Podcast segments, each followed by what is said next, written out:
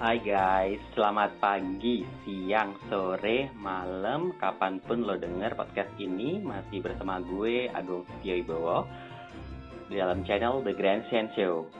Pada kesempatan kali ini, gue kedatangan tamu yang sangat spesial.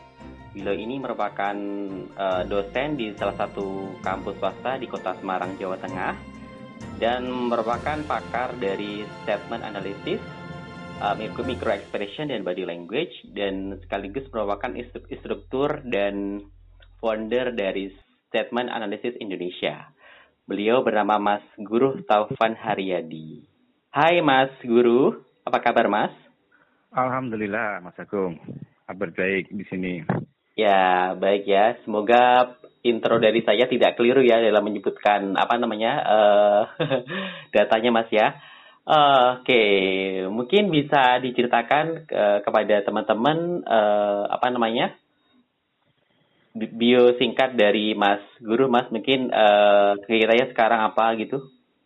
Oke okay, ya, ya saya tadi ini tadi udah benar tadi yang disampaikan bahwa saya itu dosen ya, dan kemudian selain dosen saya juga auditor dan kemudian saya juga mendalami ilmu-ilmu yang mendukung tentang lie, apa namanya lie detection gitu ya, yang kaitannya berhubungan dengan fungsi untuk auditor. Jadi ilmu-ilmu ini kan sangat saya perlukan, itu seperti itu.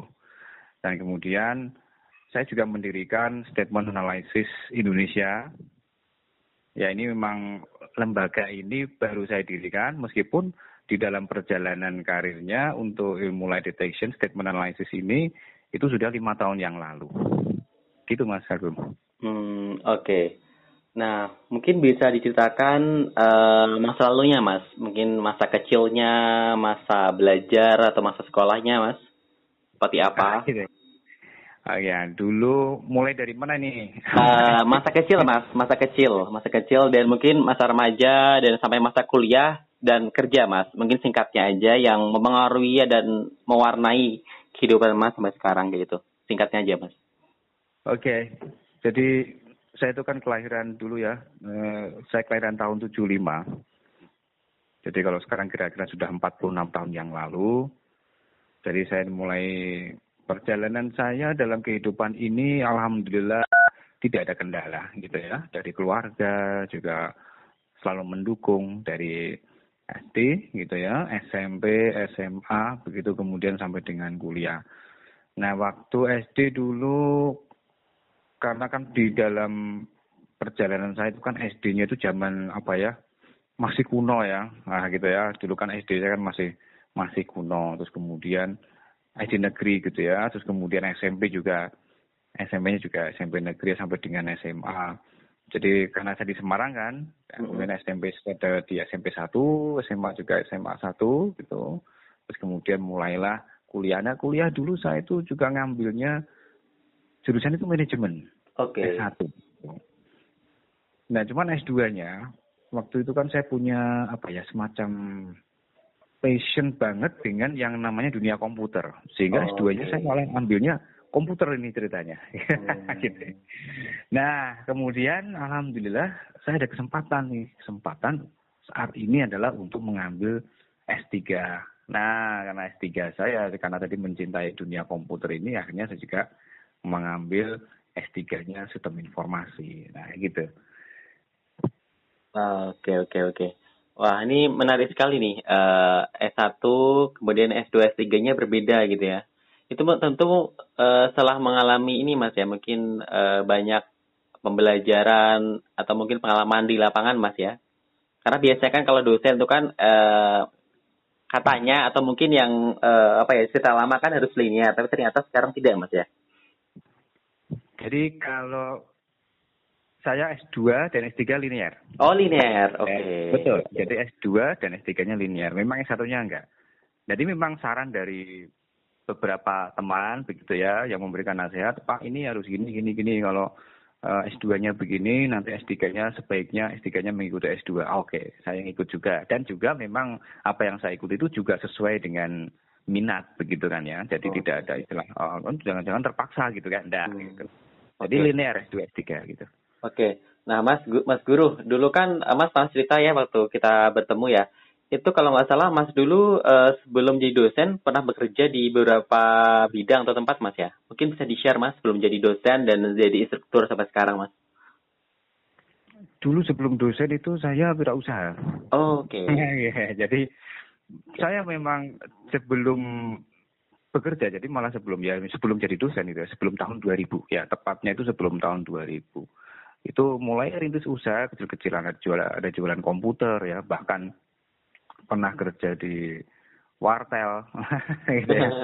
kemudian di warnet ya kemudian mendirikan uh, rental PlayStation itu pernah gitu Oke. Okay. Nah gitu ya dan dan memang uh, pada waktu itu ya Pak bahkan sebelum tahun 2000 itu sebelum uh, jadi setelah Krismon. Nah itu ya jadi tahun 2000 itu kan setelah Krismon persis ketika saya membuat usaha itu Eh, penghasilannya itu justru lebih besar daripada penghasilan dosen pada waktu itu okay. yang membuat rental PlayStation. Nah, tapi kan tentu saja uh, bisnis seperti itu apakah bisa bertahan lama dan apakah benar menjanjikan bagaimana dengan apa dengan pendidikan saya gitu ya dan hmm. kemudian orang tua memberikan saran ya dicoba gitu ya dicoba untuk melamar dosen gitu ya oke alhamdulillah bisa keterimalah gitu ya jadi dosen. Nah, sampai sekarang ini. Jadi saya ini sudah 20 tahun lebih ya.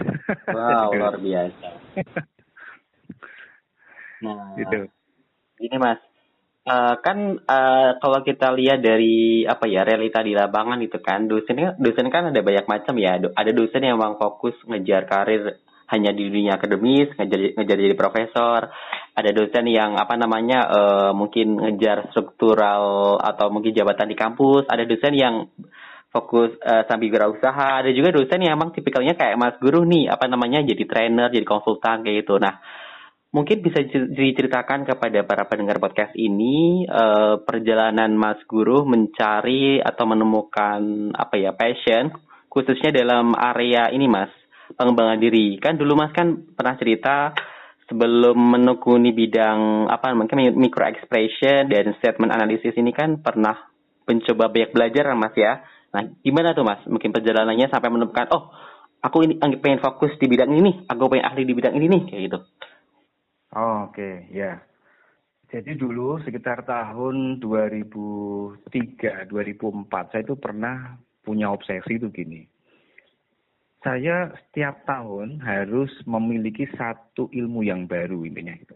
Wow. Itu pokoknya setiap tahun saya harus menguasai satu ilmu yang baru apa pun ilmunya gitu. Jadi makanya saya tuh eh, pernah ya bahkan ikut apa ini kursus uh, pekam. nah, itu. Pernah kan? Memang saya senang gitu.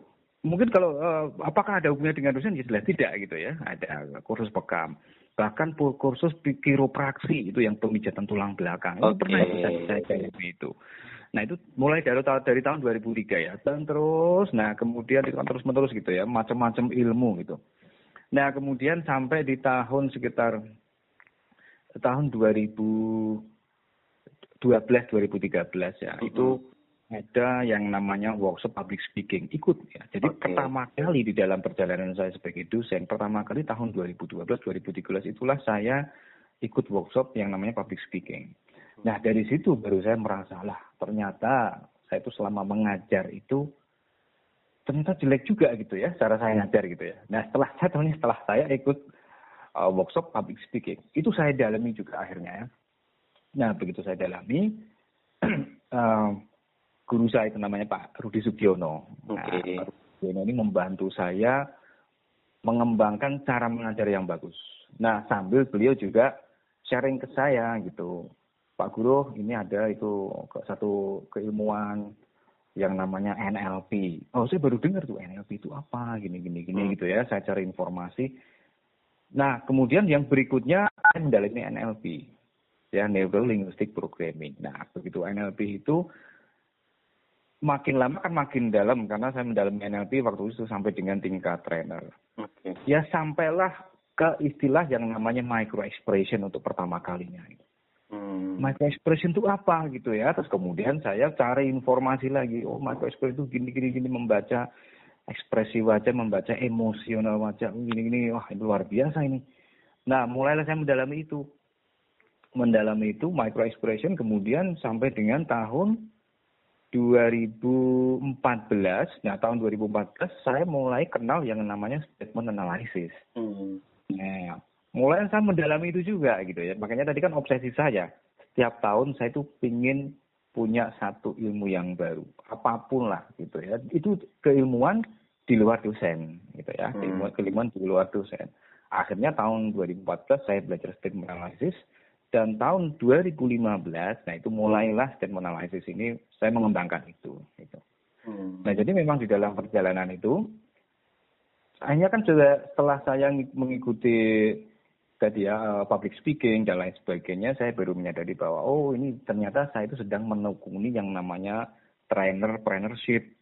Hmm. Nah ini kan jadi kan dosen, guru itu kan juga boleh kan memiliki satu usaha di luar ya, di luar pendidikan. Namun pendidik apa ini usaha apa yang yang sekiranya bisa mendukung proses pengajaran? Ya paling dekat adalah trainer trainership. Ini saya meminjam istilah ya trainer trainership bukan istilah dari saya itu dari Pak Ongki Hojanto gitu ya. Nah itu trainer trainership itu jadi suatu entrepreneur di bidang trainer Nah, itu mulai saya merintisnya itu sejak tahun 2014 itu sampai sekarang. Gitu. Wah, luar biasa nih berarti ya. Jadi memang hobinya Mas Gur belajar dan mengajar gitu Mas ya? Belajar dan mengajar. nah, dulu Mas pernah cerita ya kalau Mas tuh uh, khususnya di bidang apa ya, statement analysis atau micro expression saya lupa. Karena di Indonesia belum ada ahlinya, Mas sampai rela ini ya, mengeluarkan ongkos yang tidak sedikit untuk ini ya mengambil sertifikasi di luar ya mas kalau nggak salah.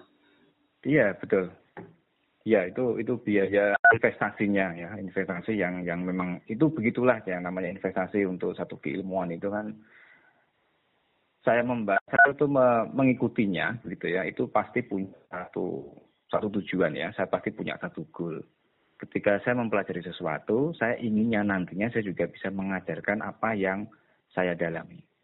Itu juga sama. Jadi sebelum sebelum sampai sekarang ini, ketika dulu sebelum tahun 2000, ah, sorry sebelum tahun sebelum saya mempelajari ada public speaking dan lain sebagainya, itu kan saya juga obsesinya begitu ya. Saya mendalami satu ilmu dan bagaimana dengan ilmu itu saya juga bisa mengajarkan kepada orang lain. Saya bisa sharing, saya bisa memberikan apa ini ya pengajaran kepada orang lain sehingga orang lain jadi akan makin berkembang karena memang kan begini saya pernah mendengar bahwa e, mendalami suatu ilmu belajar yang terbaik itu adalah dengan cara mengajarkannya kepada orang lain oh. nah itu ya jadi makanya saya senang banget kalau saya sudah bisa kepinginnya itu saya mengajarkan kepada orang lain ya meskipun dengan tahap demi tahap gitu ya nah itu seperti itu oke dari statement analisis dan micro expression sendiri sendiri ini mana yang menurut Mas paling uh, bukan paling ya lebih sulit Mas dipelajari dan diajarkan itu? Yang paling yang lebih sulit itu uh. yang statement analysis. Kenapa Mas? Yang lebih sulit. Jadi kan gini ya, dua itu merupakan keahlian komunikasi. Micro expression itu kan membaca emosi melalui ekspresi wajah. Yeah. Gitu. Ya Kemudian jadi mengandalkan visual, mengandalkan mata. Jadi kelebihannya itu kalau misalnya tidak ada suara begitu ya dari kejauhan misalnya begitu ya itu atau orang pakai teropong gitu ya. Terus kemudian orang pakai teropong itu mengamati ekspresi wajah orang. Nah itu hmm. minimal dari situ sudah dapat 50% bisa membaca emosinya lagi apa ya gitu. Wow. Nah sedangkan statement analysis itu kelebihannya tanpa harus memandang, ya gitu ya, tanpa harus melihat, cukup bisa dengan menggunakan suara itu sudah bisa digunakan sebagai alat ya untuk melakukan light detection. Nah, jadi dua-duanya memang ada plus minusnya gitu ya. Hmm. Namun memang saat sampai dengan saat ini yang paling sulit itu yang statement analysis. Karena apa? Karena di situ mengamatinya itu kan mengamati mulai dari kata-kata, kemudian mengamati dari kalimat, frasenya ya, frase sebuah kalimat itu itu yang harus didapat gitu. Hmm. Nah, kalau orang yang mempelajari statement analysis memang kalau ingin berhasil itu harus punya dedikasi. Punya motivasi yang kuat dan ketika belajar pun harus berdedikasi. Kalau enggak enggak akan berhasil itu. Hmm. Hanya sekedar tahu aja gitu ya. Orang belajar statement analysis. Oke lah sekedar tahu. Terus setelah itu lupa ya. Setelah itu enggak dipakai bahkan kan begitu. Tapi ketika hmm. orang punya dedikasi dan dia latih terus menerus, hmm. pasti bisa. Memang itu syaratnya dedikasi itu untuk belajarnya. Itu. Oke. Kalau dari statement analisis ini uh, apa ya sektor atau mungkin profesi apa sih mas yang menurut mas tuh paling banyak memanfaatkannya mas? Ah, dari beberapa pengalaman ya saya mengajarkan statement analisis itu ada sekitar tahun yang lalu ya tahun lalu itu satu rombongan dari sebuah bank ya BUMN okay. ya dari okay. sebuah BUMN itu satu rombongan dari tim investigasinya, investigasi dan oh. auditor, investigator dan auditor itu juga belajar tentang statement analysis. Nah, kenapa mereka membutuhkan? Karena memang mereka butuh untuk wawancara dan wawancara ini bukan wawancara rekrutmen ya, tapi hmm. wawancara investigatif. Okay. Nah, jadi memang statement analysis itu cocok untuk wawancara investigatif. Oh. Terus kemudian juga dari Kema tahun kemarin juga ya dari teman-teman dari akuntan forensik. Oh. Itu juga akuntan forensik itu saya juga pernah membaca ya buku buku diktatnya akuntansi forensik itu ternyata di dalamnya juga mendukung keilmuan statement analysis. Ketika oh. saya membaca itu uh, itu masih masih kulitnya aja gitu ya. Tapi tapi mereka mengenal jadi mereka atau teman-teman yang mendalami akuntansi forensik itu juga di dalamnya ada materi tentang statement analysis. Hmm. Nah, tahun kemarin itu juga satu rombongan itu ya. Pada waktu itu ada satu rombongan juga ikut juga ini di dalam salah satu workshop saya tentang statement analysis. Terus kemudian juga teman-teman yang di psikologi, para psikolog. Ini juga banyak sekali nih ya, teman-teman dari psikolog. Saya juga punya satu teman yang ada di biro psikologi itu juga secara rutin ya, secara rutin setiap bulan itu mengadakan workshop statement analysis. Jadi ada di bawah lembaga ini apa namanya psikologinya gitu. Terus kemudian juga terus bagaimana kalau dari kalau orang itu bukan apa ya psikolog tapi dia pebisnis. Hmm. Nah, tentu saja ini saya juga punya salah satu teman IO, dia juga selalu mengundang saya dan uniknya yang yang apa namanya teman ini dia audien audiennya itu dari para pengusaha. Hmm. Saya belajar gitu ya dan ketika ketika ada workshop begitu kan saya tanya gitu ya motivasi dan lain sebagainya. Nah tentu saja mereka motivasinya ketika mereka itu ada wawancara gitu ya atau negosiasi gitu ya dengan rekan bisnis dengan calon kolega dan lain sebagainya apakah penawaran yang di yang diberikan itu memang masuk akal dan lain sebagainya apa meyakinkan atau tidak. Nah, itu ini penggunaan statement analysis sangat berguna di situ. Hmm. Terus guru-guru juga sama gitu ya, para guru. Tentu saja kan guru-guru BK ini contoh misalnya. Kalau guru BK itu kan juga mereka menghadapi siswa.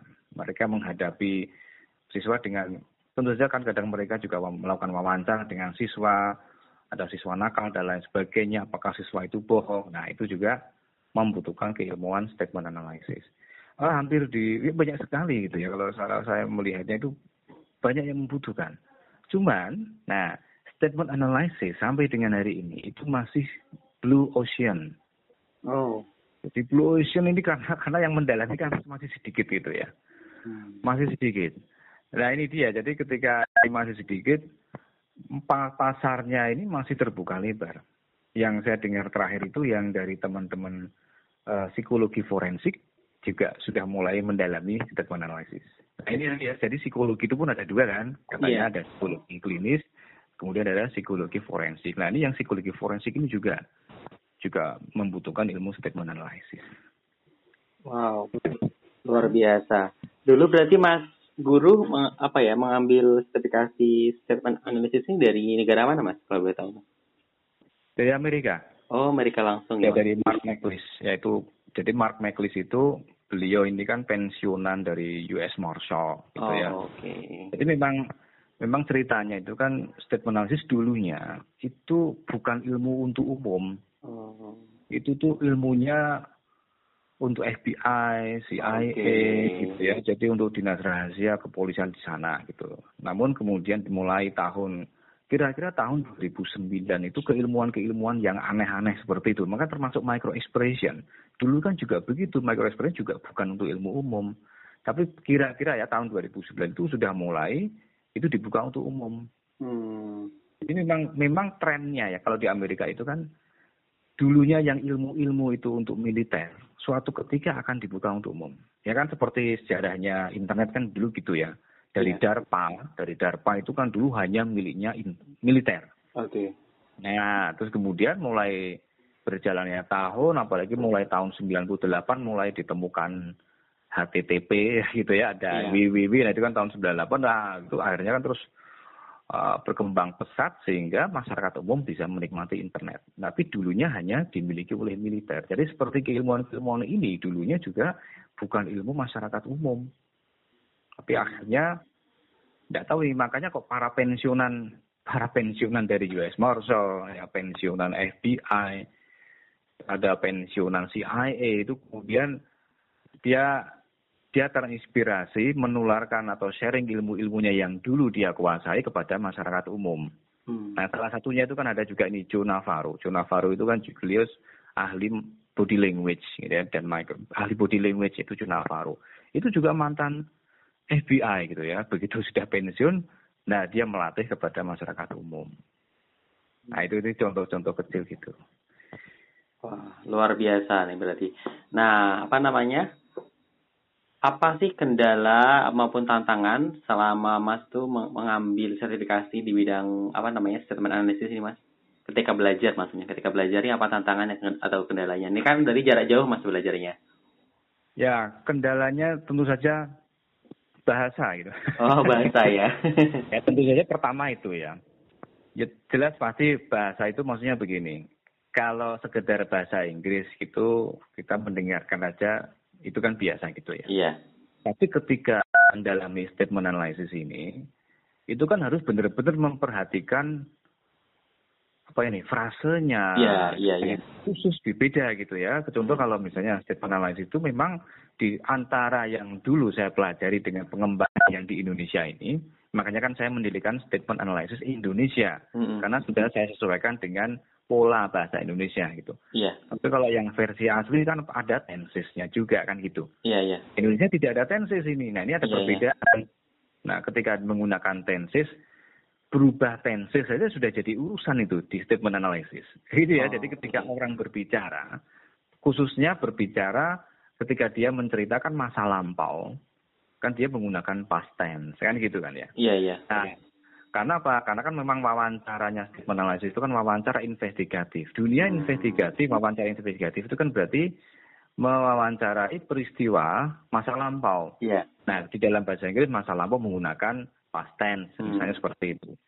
Nah, ketika dia lompat suatu ketika ya menggunakan present tense atau menggunakan future tense, itu sudah jadi masalah itu. Langsung ditandai gitu ya oleh pewawancaranya. Nah ini kenapa dia lompat itu lompat tenses ya.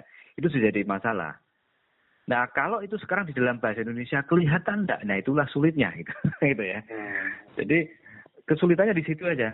Intinya ketika um, itu saya rubah ke bahasa Indonesia itu saya butuh waktu satu tahun. Wow. Untuk penyesuaian.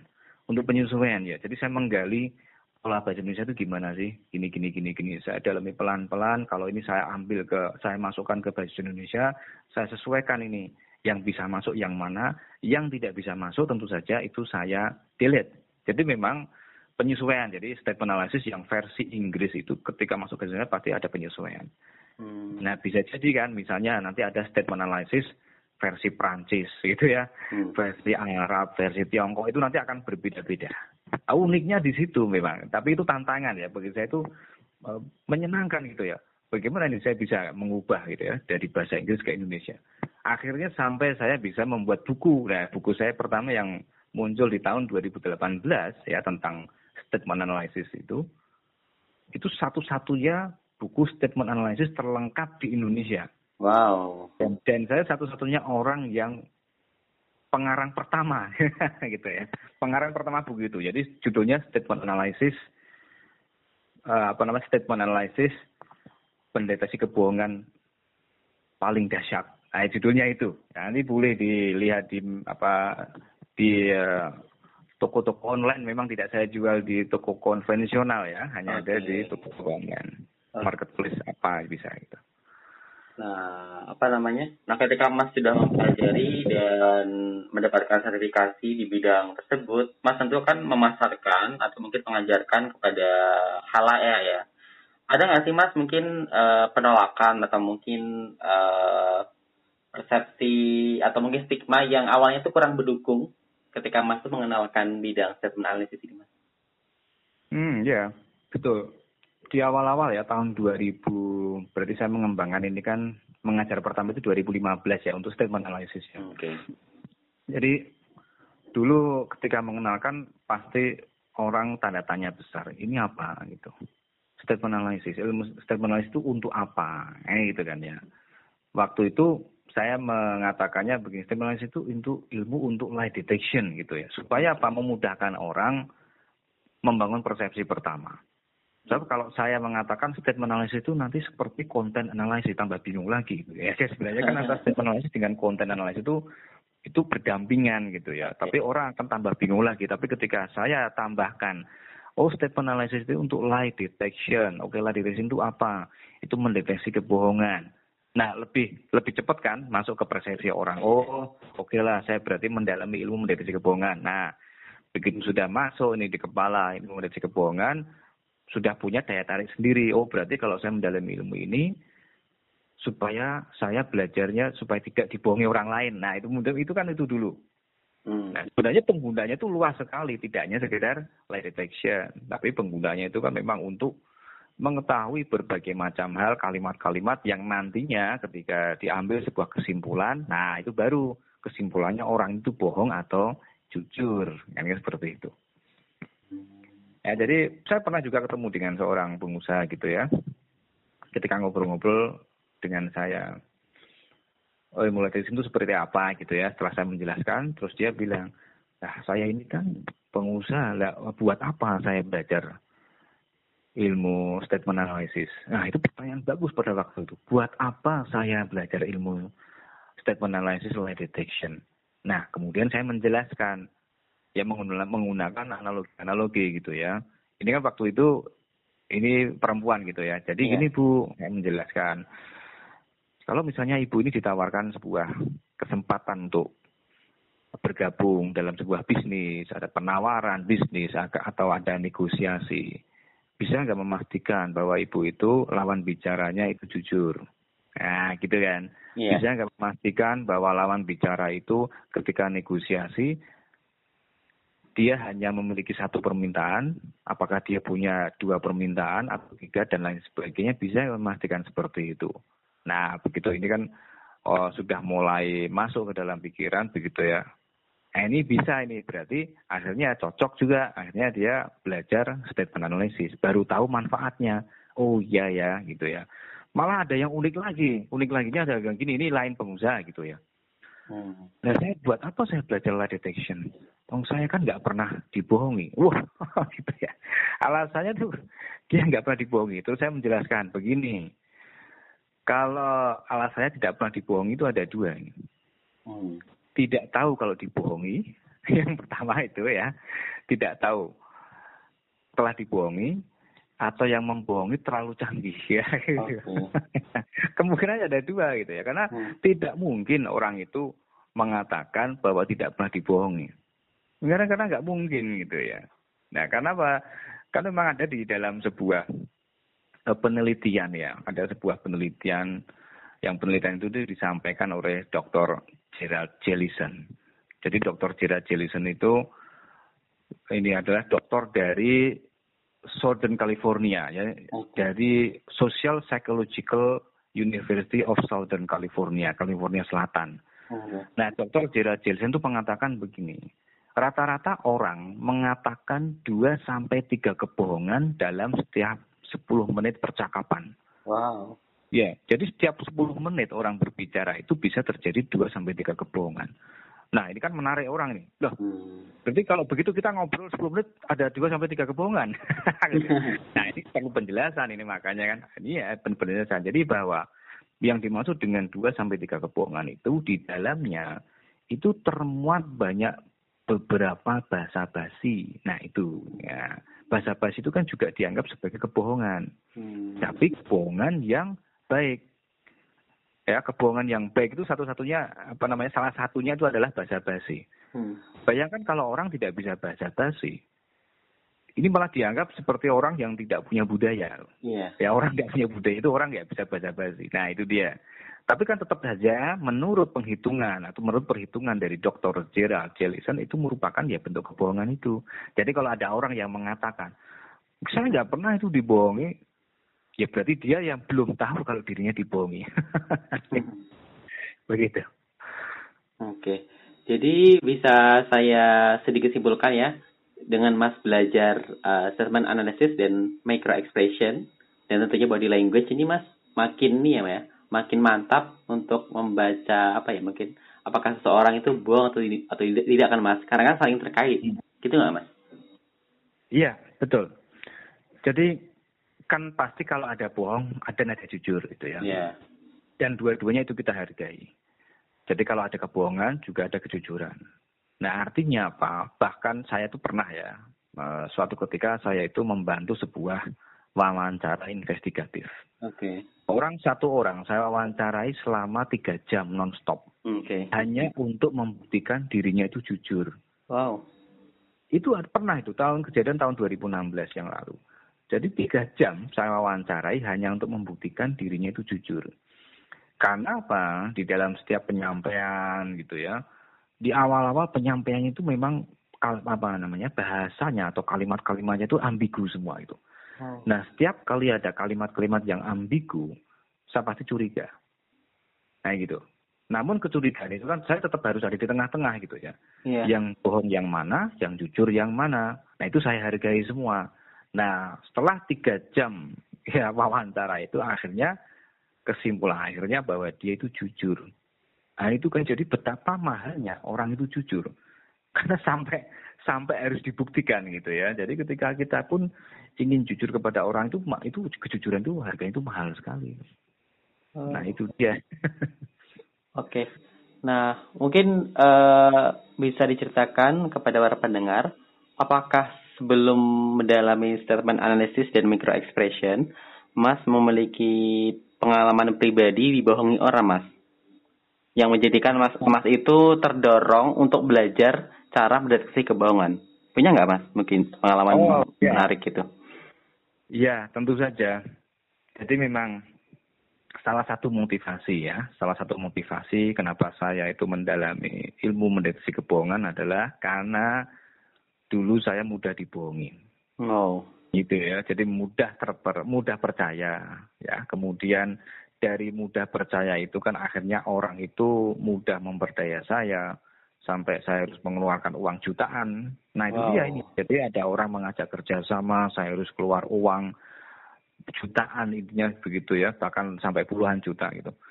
Nah dari situ ini akhirnya kan ah, penyesalan hanya ada di akhir kan gitu. Iya. Yeah setelah mengalami kerugian-kerugian itu baru nyadar, oh iya ya ternyata saya itu dibohongi. Nah kan gitu, ini akhirnya muncul gitu. Dan itu nggak hanya satu ya, itu ya. Dan silakannya pada waktu itu, saya dibohongi nggak cuma satu kali, sudah beberapa kali itu. Terlalu mudah saya itu dulu dibohongi, ya. mudah sekali. Waduh ini, ini, ini. Kemudian begitu orang mengibah aja itu saya sudah ngasih duit loh. Hmm. saya mengibah aja itu sudah oh sudah mudah ngasih duit gini ya, oh, ya itu terperdaya mudah seperti itu. Belum lagi ya, kerjasama kerjasama menjanjikan sesuatu gitu kan ya. Nah itu mendorong itu dorongan paling kuat gitu. Hmm. Nah memang saya bersyukurnya adalah dorongan itu kan muncul muncul ketika kesadaran saya itu saya itu mulai mulai uh, keluar gitu ya kesadaran bahwa saya itu mudah dibohongi. Kalau itu tidak keluar, ya kesadaran itu tidak keluar, ya tidak akan pernah itu muncul motivasi. Hmm. Jadi makanya ketika orang yang mulai belajar ilmu lie detection itu yang paling kuat dedikasinya kalau dia muncul kesadaran bahwa dia atau seseorang itu sering kali menjadi korban kebohongan atau penipuan. Itu nanti akan memunculkan dedikasi yang kuat. Nah, saya berdedikasi ini itu karena dari situ gitu ya. Dari motivasi seperti itu. Muncul. Nah, saya harapan saya orang itu kan dengan saya itu mengajar ilmu light detection seperti ini, ya harapan saya orang itu juga muncul kesadaran gitu. Hmm. Muncul kesadaran bahwa oh iya ya dengan saya belajar ini baru ingat oh ya kemarin saya itu pernah pak saya dibohongi gini oh ya kemarin saya diajak bisnis gini gini gini nah itu itu jauh lebih bagus jadi muncul kalau itu sudah mulai muncul dorongan untuk belajar ya dorongan untuk berdedikasi belajar statement analysis makin gede kalau itu dorongan itu semakin kuat nanti nggak akan nggak akan bosen itu belajar statement analysis hmm. memang ketika belajar statement analysis itu ketika saya pertama kali ngajarkan gitu ya dalam satu hari itu kan baru apa ya namanya sekedar instalasi dulu kan. Okay. Nah untuk menjadi ahli harus digunakan setiap hari. Okay. Apa pun dia dalam sebuah komunikasi, ngobrol dengan orang, yang sepele-sepele aja itu tetap digunakan. Hmm. Semakin sering digunakan itu kan orang berproses gitu ya. Hmm. Sinaps-sinaps di dalam otak itu kan kalau sudah mulai nyambung makin kuat, makin kuat. Nah makin lama itu akan bisa menjadi apa namanya uh, subconscious kompeten gitu ya. Jadi yeah. satu kompeten, kompetensi yang yang dia tanpa sadar sudah bisa menggunakannya. Harapannya kan nanti seperti itu. Ya, memang butuh dedikasi. Saya dulu lulus ya ketika belajar statement analysis. Itu saya enam bulan baru lulus loh. Wow. Jangan langsung langsung lulus. Saya itu bahkan mengalami masa-masa putus asa, hampir ya, hampir putus asa jadi kan saya belajar sekian chapter gitu ya. Hmm. Sekian chapter gitu, kemudian ada ujian. Jadi setiap chapter ada ujian, ada ujian begitu ya. Begitu masuk saya itu waktu itu chapter keempat, saya nggak lulus-lulus. Hmm. Hampir waktu itu satu bulan tuh hampir kosong, saya nggak belajar karena hampir putus asa tadi gitu. Hampir putus asa, terus kemudian saya mendapat dorongan dari keluarga gitu ya, dari istri saya dicoba lagi, dicoba lagi gitu ya. Akhirnya lolos lah gitu ya. Akhirnya dan saya total itu wow ternyata saya belajar yang versi asli gitu ya, yang versi bahasa Inggris saya membutuhkan waktu enam bulan itu. Nah tadi kan hubungannya dengan masalah bahasa juga kan gitu ya. Hmm. Untuk memahami memahami kosakata, memahami apa namanya tenses bahasa Inggris itu akhirnya butuh waktu enam bulan baru saya lulus. Nah begitu sudah enam bulan saya rubah ke bahasa Indonesia saya harus bisa menyederhanakan ini materi yang rumitnya kayak gini nih, bagaimana caranya saya harus bisa menyederhanakan teknik pembelajarannya. Istilah-istilahnya juga begitu ya, dari istilah bahasa dalam bahasa Inggris menjadi istilah-istilah yang sudah saya buat dalam bahasa Indonesia. Nah itu di buku saya semua itu ada. Hmm, luar biasa, luar biasa. Nah, apa sih pengalaman yang menarik atau mungkin paling mengesankan uh, bagi Mas Guru selama menjadi instruktur atau pengajar statement analysis, body language, dan micro expression, Mas? Pengalaman yang menarik itu kalau melakukan interogasi waktu itu. Jadi pengalaman di tahun 2016 ya, itu pengalaman yang paling menantang gitu ya. Kenapa, paling menantang itu ketika saya dimintain bantuan untuk melakukan interogasi. Wow. Nah, tadi yang tadi saya ceritakan, satu orang itu bisa sampai tiga jam lamanya. Wow. Itu baru satu orang ya. yang saya interogasi bukan satu orang, itu beberapa orang. Jadi mulai orang pertama itu benar-benar benar-benar menguras energi. Namun bagi saya itu sebuah pembelajaran yang luar biasa. Jadi di lapangan seperti apa yang yang saya alami begitu ya. Di lapangan dan ketika melakukan interogasi itu kan nggak gampang itu karena apa e, distraksi misalnya lingkungan yang yang bising itu pengaruh juga ya lingkungan hmm. yang bising kemudian ada orang yang menyela dalam pembicaraan itu kan membuyarkan konsentrasi gitu ya namun dari situ saya belajar ya uh ternyata ini nih tantangan-tantangannya nih yang harus saya saya kuasai jadi bagaimana menghadapi distraksi ada orang yang emosional. Ketika diwawancari kan ada juga ini ya, ketika diinterogasi orang itu marah gitu. Itu juga ada itu. Oh ini kemudian ada orang yang nangis juga itu juga ya. Di interogasi ada juga yang nangis gitu. Nah dari situ memupuk pengetahuan gitu ya bahwa untuk pengetahuan saya dan saya juga bisa cerita ke teman-teman yang lain. Ini gini loh, dalam proses interogasi itu kayak gini, ternyata selain kita itu menguasai harus menguasai step analisis juga tadi ekspresi wajah itu penting. Hmm. Ya memang kadang-kadang orang berpikir begini, micro expression itu kan membacanya juga sulit gitu ya. Hmm. Itu kan cepat sekali ya, gerakan-gerakan alis mata, gerakan kelopak mata itu kan bergerak cepat sekali. Yeah. Namun gerakan-gerakan dari hal-hal yang otot-otot yang kecil seperti itu itu bisa memiliki makna. Bisa memiliki makna. Dan memang ketika di dalam sebuah interogasi itu tidak bergerak sendirian gitu ya. Jadi kan saya juga bukan manusia super gitu ya. Ketika yeah. wawancara saya hadapi sendirian terus saya menyelesaikan masalah bukan begitu. Jadi saya punya tim hmm. ya. Dalam interogasi itu saya berdua. Okay. berdua ya. Berdua itu bagi tugas. Misalnya saya bagian yang interviewer gitu ya. Nah, hmm. rekan saya itu bagian observer.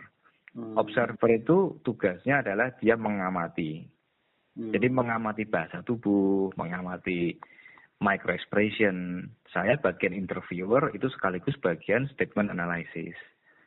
Nah, hmm. seperti itu cara bagi tugasnya. Jadi nanti kemudian ada orang lain, lain lagi misalnya di interogasi saya juga bisa berganti peran. Saya juga sebagai observer, rekan saya bagian interviewer. Hmm. Jadi memang di dalam sebuah proses seperti itu tidak mungkin ya dilakukan seorang diri. Nah, tadi sekali lagi ini kita manusiawi gitu ya, tidak mungkin lah seorang seorang itu bisa jadi kayak manusia super ya, di, melaksanakan sendiri langsung tiba-tiba mengambil kesimpulan, wah oh, ini, ini bohong, ini bohong. Itu hanya ada di film. gitu ya. Kalau di film itu iya kayak gitulah ya contoh apa namanya peri apa namanya istilah uh, adegan-adegan yang uh, heroistik gitu ya. Nah, itu kan seakan-akan segalanya dilakukan oleh seorang diri. Padahal kan enggak ya. Kenyataannya di lapangan itu tetap kita harus teamwork. Hmm. Harus bagi tugas. Ketika mewawancarai seseorang berbagai macam hal. Mungkin bagian IT pun juga bekerja gitu ya. Jadi bagian IT juga saya tetap mintai bantuan bagian IT coba mencari latar belakangnya orang ini, kemudian mencari ini, ini, ini, ini. Nah itu ya, jadi itu kan digunakan sebagai bahan juga, sebagai hmm. bahan untuk melakukan wawancara penting semuanya. Jadi tidak semata-mata 100% saya hanya menggunakan statement analysis, eh, ini nggak mungkin malah itu ya. Hmm. Semuanya memang segala sumber daya, sumber daya IT juga dipakai ya dipakai semua. Jadi tetap saya juga menghubungi teman-teman yang lain. Nah, ini begitu ada satu case, oke, kita minta bantuan, kita bekerja secara tim. Nah, memang kalau di dalam itu kan karena ada satu persoalan apa peristiwa ini ya crime gitu ya peristiwa crime kriminal. Nah terus bagaimana kalau misalnya statement analysis digunakan untuk sehari-hari bisa tentu saja bisa kan gitu. Nah, jadi misalnya sedang berbincang-bincang dengan teman, nah bisa jadi kan orang itu punya uh, namanya apa ya? Namanya itu kelainan gitu ya. Ada yang namanya kelainan yang disebut dengan mitomania. Jadi ada orang punya penyakit berbohong. Oke. Okay. Jadi bohong itu ada yang berupa penyakit loh. Ya, jadi orang bohong itu tidak selalu orang bohong itu karena ada tekanan gitu ya atau ada apa gitu ya. Tapi bisa jadi kan orang berbohong itu karena penyakit. Nah, ini namanya mitomania. Mit hmm. dari kata mitos itu. Mitomania. Nah, mitomania itu memang orang-orang yang ketika dia berbohong, berbohongnya itu sudah seperti bernafas. Gitu. Oke. Okay. Jadi kalau dia nggak berbohong, kayaknya nggak hidup gitu ya. Hmm. Jadi kalau ada sesuatu hal ketika dia cerita, pasti dia akan tambahkan, dibumbui. Jadi memang memang ahli membumbui. Namun e, ketika dia berbohong itu bukan bukan karena ada tekanan, tapi kenikmatan tersendiri bagi dia. Hmm. Makanya tidak nikmat kalau dia nggak bohong. Nah itu namanya mitomania. Nah dengan saya itu belajar statement analysis, makin lama saya bisa mendeteksi dengan mudah orang-orang yang terjangkit mitomania. Nah itu dia ini ini untuk kehidupan sehari-hari. Iya, iya. Ya, memang orang mitomania itu bukan orang yang kriminal bukan ya, karena itu kelainan ya, kelainan jiwa gitu ya, orang yang memang senang berbohong kan gitu ya. Saya yakin mungkin kalau Mas Agung lihat di YouTube itu ada beberapa artis yang memang dia terkena terkena mitomania atau mengidap mitomania gitu ya ketika hmm. dia cerita dia seakan-akan punya rumah ini, seakan-akan punya ini, padahal enggak. Nah, itu itu sebenarnya orang-orang seperti itu sudah kena itu yang namanya mitomania. Oh. Itu. Oke. Okay. Nah, ini Mas, Mas kan uh, sudah beberapa tahun ini mengajar uh, micro expression maupun statement analysis gitu kan. Nah, kalau untuk statement analysis sendiri itu Mas biasanya ngajar berapa hari Mas workshopnya Mas? Kalau dulu ya sebelum pandemi, COVID, ya sebelum pandemi COVID itu kelas itu ngajarnya dua hari. Oh dua hari ya. Ngajarnya dua hari ya. Jadi kelasnya itu kelas memang dua hari. Karena apa? Di situ kan ada prakteknya banyak sekali hal-hal praktek yang harus dilakukan gitu ya selain belajar teorinya. Nah itu, nah kemudian di dalam masa pandemi ini semuanya berubah ya, semua yeah. para trainer gitu ya itu semua yeah. berubah sehingga saya membuat kurikulumnya itu saya buat dalam enam jam. Oh. Jadi kalau workshop statement analysis yang di masa pandemi ini saya membuat kurikulumnya itu selama enam jam. Jadi pakai Zoom gitu kan, misalnya hmm. pakai Zoom, ya enam jam begitu itu pun kan banyak juga orang yang wah pak enam jam ya gitu ya hmm. nggak capek ini duduk ya ada istirahatnya kan pasti ya istirahat uh, tengah hari kan pasti ada istirahatnya gitu ya tapi memang itu enam jam kalau di dikurangi nggak bisa ya karena di dalam statement analysis itu kan kita belajar 23 indikator ya karena ada indikator-indikatornya yang harus iya, dipahami yeah, satu persatu nah itu jadi memang panjang gitu hmm. nah kalau untuk uh, statement analisis Indonesia sendiri apa sih yang ingin Mas apa kembangkan ke depannya Mas? Nah, statement analisis itu ada tiga keilmuan. Oke. Okay. Ada tiga keilmuan yang saya berikan untuk yang kelas practitioner itu kan statement analisis yang basic gitu ya. Statement yeah. analisis practitioner itu tingkat yang pertama. Hmm. Nah kemudian ada tingkat advance gitu ya, atau tingkat trainer. Biasanya saya membuat kelasnya itu TFT gitu ya, training for trainer. Hmm. Nah kalau yang TFT itu saya membuat kelasnya itu sampai saat ini harus tatap muka. Oke. Okay. Nah itu dia. Jadi memang untuk yang kelas TFT saya belum bisa membuatkan dalam bentuk online. Oke. Okay ya karena itu memang TFT itu harus benar-benar tetap muka karena di dalamnya harus praktek harus oh. benar-benar praktek di situ tidak bisa tidak karena kan e, untuk TFT itu orang yang belajar sampai tingkat TFT memang dia nantinya juga bisa menjadi seorang trainer statement analysis hmm. nah itu jadi memang saya juga di Indonesia ini sudah ada beberapa rekan-rekan trainer yang di hmm. bawah bendera saya gitu ya. Sudah ada yang mereka juga aktif juga. Nah itu. Terus kemudian yang tingkat yang satu lagi jadi kalau gini kalau yang statement analysis yang basic gitu ya tadi kan praktisioner yeah. terus kemudian yang kalau yang TFT itu namanya SCAN okay. jadi pengembangan ilmu dari statement analysis namanya scientific content analysis singkatannya SCAN wow SCAN Nah, yang ketiga itu ada lagi namanya statement validity assessment. Ada tingkatan ilmu. Nah, yang di Indonesia ini baru dua yang saya ajarkan tadi ya, yang basicnya tadi, statement analysis yang basic tadi, atau practitioner, sampai dengan yang kedua yang SCAN. Baru itu. Hmm. Nah, tentu saja masing-masing punya perbedaan. Ya, kalau yang basic itu menggunakan 23 indikator. Kemudian yang versi SCAN itu beda beda penemu ya. Jadi hmm. yang SCAN itu beda beda pakarnya, beda pakar yaitu itu menggunakan 13 indikator. Jadi hmm. dipampatkan gitu, diringkas gitu. Terus kalau yang tadi SVA SVA tadi ya, Statement Validity Assessment itu menggunakan 19 indikator yang totally different ya, berbeda total. Nah, itu menariknya di situ ya. Memang kalau ingin belajar lengkap ya terus gitu ya, punya dedikasi tinggi ya belajar terus seperti itu. Hmm, luar biasa, luar biasa. Nah, mungkin ini pertanyaan terakhir nih, Mas Guru nih. Apa pesan-pesan atau mungkin wejangan bagi para pendengar podcast ini, khususnya bagi generasi milenial, anak-anak muda, teman-teman kita di luar sana yang ingin belajar uh, statement analysis, micro expression maupun body language? Oke, okay, baik. Jadi ini buat teman-teman milenial nih ya, bagi para pendengar, nah jadi kita belajar statement analysis itu untuk mendeteksi kebohongan dan kejujuran sehingga kita bisa menghargai. Bagian-bagian yang bohong pasti ada, namun kejujuran itu juga pasti ada. Bahkan orang yang tampak bohong tetap ada kejujuran di dalamnya.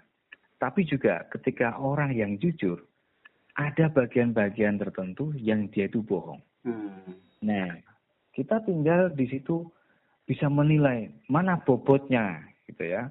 Apakah lebih banyak yang bohong atau apakah lebih banyak yang jujur. Hmm. Dan itu bisa terjadi dalam kehidupan kita sehari-hari. Hmm. Tidak selalu hubungannya dengan bisnis ya, tidak selalu hubungannya dengan kriminal dan lain sebagainya. Hmm. Tapi juga kita kadang-kadang berhubungan dengan sahabat, ya hubungan dengan pasangan.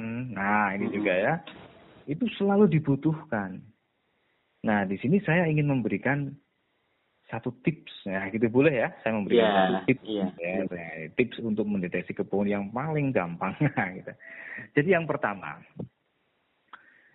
kita harus bisa memberikan pertanyaan yang tepat. Nah itu dia.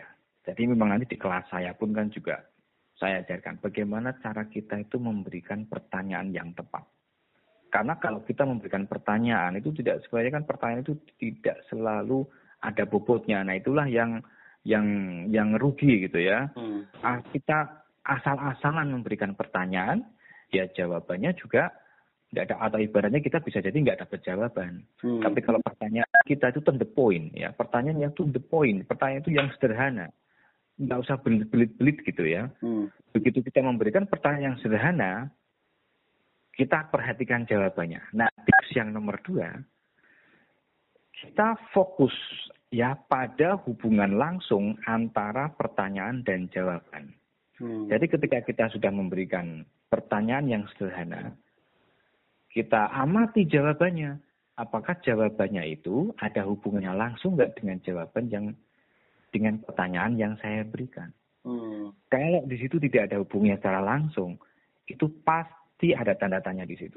Oh, okay. Pasti ada sesuatu yang dia sembunyikan atau sesuatu yang dia belokkan. Nah, terus uh, tips yang ketiga. Nah, ya, saya kasih tiga tips ini ya. Tips yang ketiga, kita pernah mendengar, bahkan mungkin Mas Agung juga pernah mendengar kan, kita itu harus selalu menggunakan positive thinking. Iya. Yeah. Kalau kita hanya terlalu menggunakan positive thinking itu juga salah. Oke. Okay. Kita juga perlu menggunakan negative thinking. Loh, kok gitu? gitu. Banyak-banyak yang tanya, loh Pak, masuk gitu Pak harus menggunakan negative thinking? Jangan salah, itu saya yakin yang Anda maksud itu pasti adalah negative feeling itu yang nggak boleh. Hmm. Di agama pun ya di kitab suci yang tidak boleh itu berprasangka buruk. Yeah. Ininya pasti begitu. Berprasangka buruk yang nggak boleh, bukan berpikiran negatif itu beda. Iya yeah, iya. Yeah. Jadi berpikir positif itu baik, tapi penimbangnya adalah berpikir negatif. Hmm. Kalau kita hanya percaya dengan ber berpikir positif, tidak ada penjahat yang masuk penjara.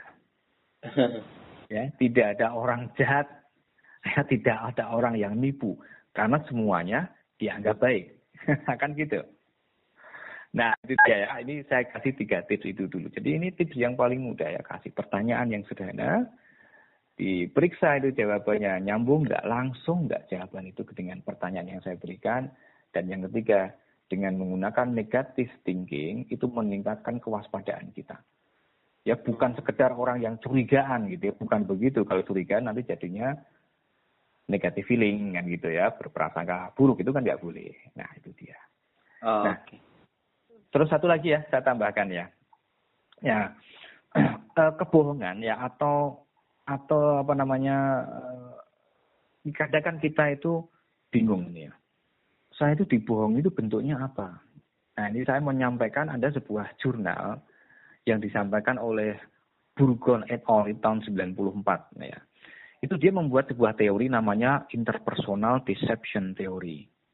Hmm. Jadi kalau yang namanya kebohongan itu sebenarnya hanya hanya, hanya ada tiga varietas itu. Yang pertama itu pemalsuan. hmm Yang kedua penyembunyian. Yang ketiga itu penyamaran. Nah, jadi kata-kata itu bisa dibuat ambigu. Ambigunya di mana? Ada tiga ini tadi. Dibuat pemalsuan. Jadi kalau pemalsuan itu kalau orang memberikan informasi yang benar-benar informasi itu terbalik 180 derajat. Tidak sesuai dengan fakta. Itu namanya pemalsuan. Hmm. Nah yang kedua, orang mengolah kata-kata dalam akhirnya kata-kata itu atau informasi itu hanya disembunyikan. Jadi contoh misalnya orang itu menyampaikan sesuatu yang benar tapi tidak utuh gitu. Nah, jadi informasi yang diberikan benar tetapi tidak 100%. Misalnya yang diberikan cuma 70%, yang 30% disembunyikan. Nah, itu juga dihitung sebagai deception hmm. karena dia melakukan upaya penyembunyian. Nah, yang ketiga, yang terakhir itu penyamaran. Hmm. Nah, ini adalah orang-orang yang memang sengaja membuat sebuah informasi itu disamarkan. Gitu ya, disamarkan itu supaya tidak tampak gitu ya, tidak tampak buruk tapi sebenarnya buruk ya di, sesuatu yang buruk dikemas dengan sesuatu yang buruk itu dikemas dengan kebaikan. Nah itulah namanya penyamaran. Nah, begitu oke. Okay. nah ini sebelum saya sebelum saya tutup nih mas uh, bagi pendengar yang ter, ingin atau mungkin berminat uh, belajar statement analisis dari Mas Guru mungkin bisa melihat atau mungkin bisa menghubungi siapa mas? Atau apakah langsung bisa menghubungi mas guru? Atau mungkin bisa ngepoin Instagramnya kali mas mungkin bisa di share oh, mungkin ya. Instagramnya atau mungkin uh, website atau Facebook mungkin biar teman-teman setelah mendengar, mendengarkan podcast ini bisa kepo nih langsung mau pelajari oh, dulu gitu mas ya. Ya, Instagram saya itu gampang ya, Guru Taufan gitu aja. Terus Facebook saya juga begitu nih di FB itu juga tulisannya Guru Taufan. Ya itu kan oh. sudah jadi brand. Okay, gitu ya. Okay. Nama saya itu ya Guru Taufan Hadi tapi IG saya Guru Taufan, Facebook saya juga Guru Taufan. Dan juga dari teman-teman apa namanya teman-teman IO yang lain itu biasanya kalau uh, membuat itu ya apa uh, pengumuman begitu itu di medsos itu sudah banyak berkeliaran gitu ya. Okay. Jadi memang saya saya pribadi saya sekarang ini sudah tidak banyak lagi langsung menampilkan poster begitu kan ya langsung menampilkan poster tapi itu sudah semuanya sudah ditangani oleh itu ya. Oh. ya minimal kepo-kepo gitu ya misalnya misalnya ada uh, apa namanya nemu lain gitu ya di Facebook di IG tapi berkeliaran lah intinya poster-poster yang ada pelatihan-pelatihan statement analysis itu berkeliaran banyak ya di medsos hmm. begitu mas Agung oke okay. Baik Mas Guru, gak terasa hampir satu jam kita uh, berdiskusi uh, mengenai perjalanan karir Mas Guru maupun tentang statement analysis dan micro expression. Semoga para pendengar podcast ini uh, mendapatkan insight dari Mas Guru dan tentunya saya pribadi uh, mengucapkan baik terima kasih atas kesediaan Mas Guru berbagi dalam podcast ini. Semoga ke depannya bisa menginspirasi lebih banyak masyarakat Indonesia khususnya dalam bidang yang Mas Guru tekuni gitu Mas ya. Baik, uh, para pendengar, uh, dengarkan terus podcast The Grand Sense Show karena setiap minggunya akan senantiasa menampilkan tamu-tamu yang inspiratif yang tentunya akan sangat memberikan manfaat bagi teman-teman semua. Sampai terhubung kembali. Assalamualaikum warahmatullahi wabarakatuh.